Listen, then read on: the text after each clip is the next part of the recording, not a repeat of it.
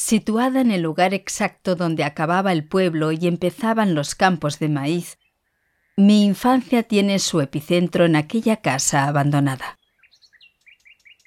Cada tarde dejábamos las bicicletas junto al pozo seco, en el que, según decían, alguien había arrojado un perro al que todavía se le oía gemir.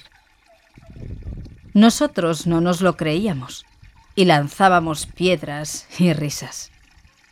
Las piedras no parecían alcanzar el fondo, ningún sonido lo confirmaba. Después, con las rodillas arañadas por las zarzas, entrábamos.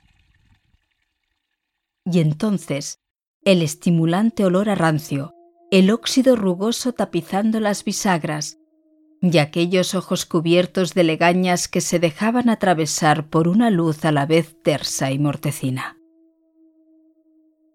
Lejos de darnos miedo, aquel era un lugar secreto y confortable donde jugar al escondite buscar tesoros o jurar lealtad vitalicia al Club Intriga. Ni siquiera saber que el último habitante se ahorcó en el cuarto donde jugábamos a las tabas nos impresionaba demasiado. Estábamos juntos y éramos invencibles. El problema era volver a mi casa, cenar y después recorrer el largo pasillo, llegar a la habitación y subir de un brinco a la cama, debajo de la cual cada noche se agazapaban un perro y un señor con los ojos amarillos.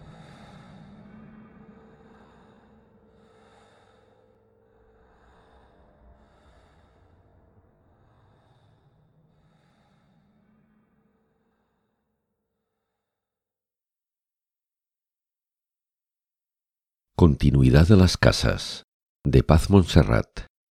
Segundo premio del quinto concurso de microrelatos de terror de Sabadell 2019. Grabación en veu alta.